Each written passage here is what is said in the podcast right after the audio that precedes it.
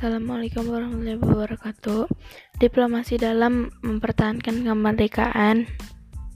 Paragraf 1. Indonesia telah memproklamasi pada tanggal 17 Agustus 1945 rakyat bersuka cita atas kemerdekaan Belanda tersebut kembali menjajah. Paragraf 2. Permasalahan Indonesia atas jajahan Belanda menjadi perhatian dunia. Beberapa perjanjian dalam menyelesaikan permasalahan di antara di antara perjanjiannya Jati, Renville, Romreyon, Meja Bundar. Paragraf 3. Perjanjian pertama adalah Jati dilakukan di Cirebon 10 November 1946. Isi dari perjanjian ini adalah pembagian keku kekuasaan Indonesia dan Belanda.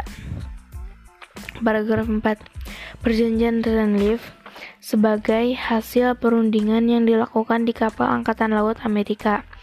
Perundingan dilaksanakan atas usulan Dewan PB, PBBP, dan KTN. Paragraf 5. Perjanjian Romreyon dimulai pada 17 April 1947 di Hotel des Indes. Perjanjian ini menetapkan bangsa Belanda menyetujui kembalinya pemerintah Indonesia. Paragraf 6. Konferensi Meja Bundar merupakan titik terang bagi rakyat Indonesia dalam menikmati ke kemerdekaan yang sesungguhnya.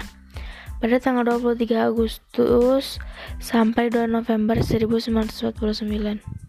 Wassalamualaikum warahmatullahi wabarakatuh.